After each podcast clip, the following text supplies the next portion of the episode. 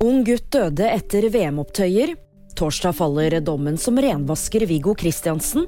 Og det blir en ny renteheving. En ung gutt ble påkjørt og døde etter bråk som følge av VM-semifinalen.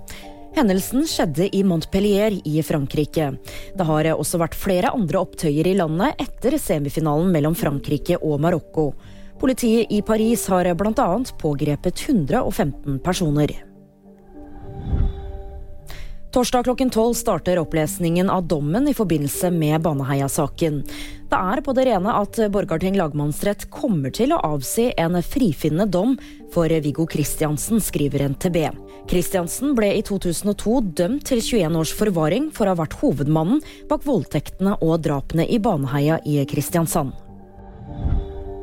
Torsdag kommer en ny renteheving. Både NHO og flere økonomer mener Norges Bank vil heve styringsrenten med 0,25 prosentpoeng.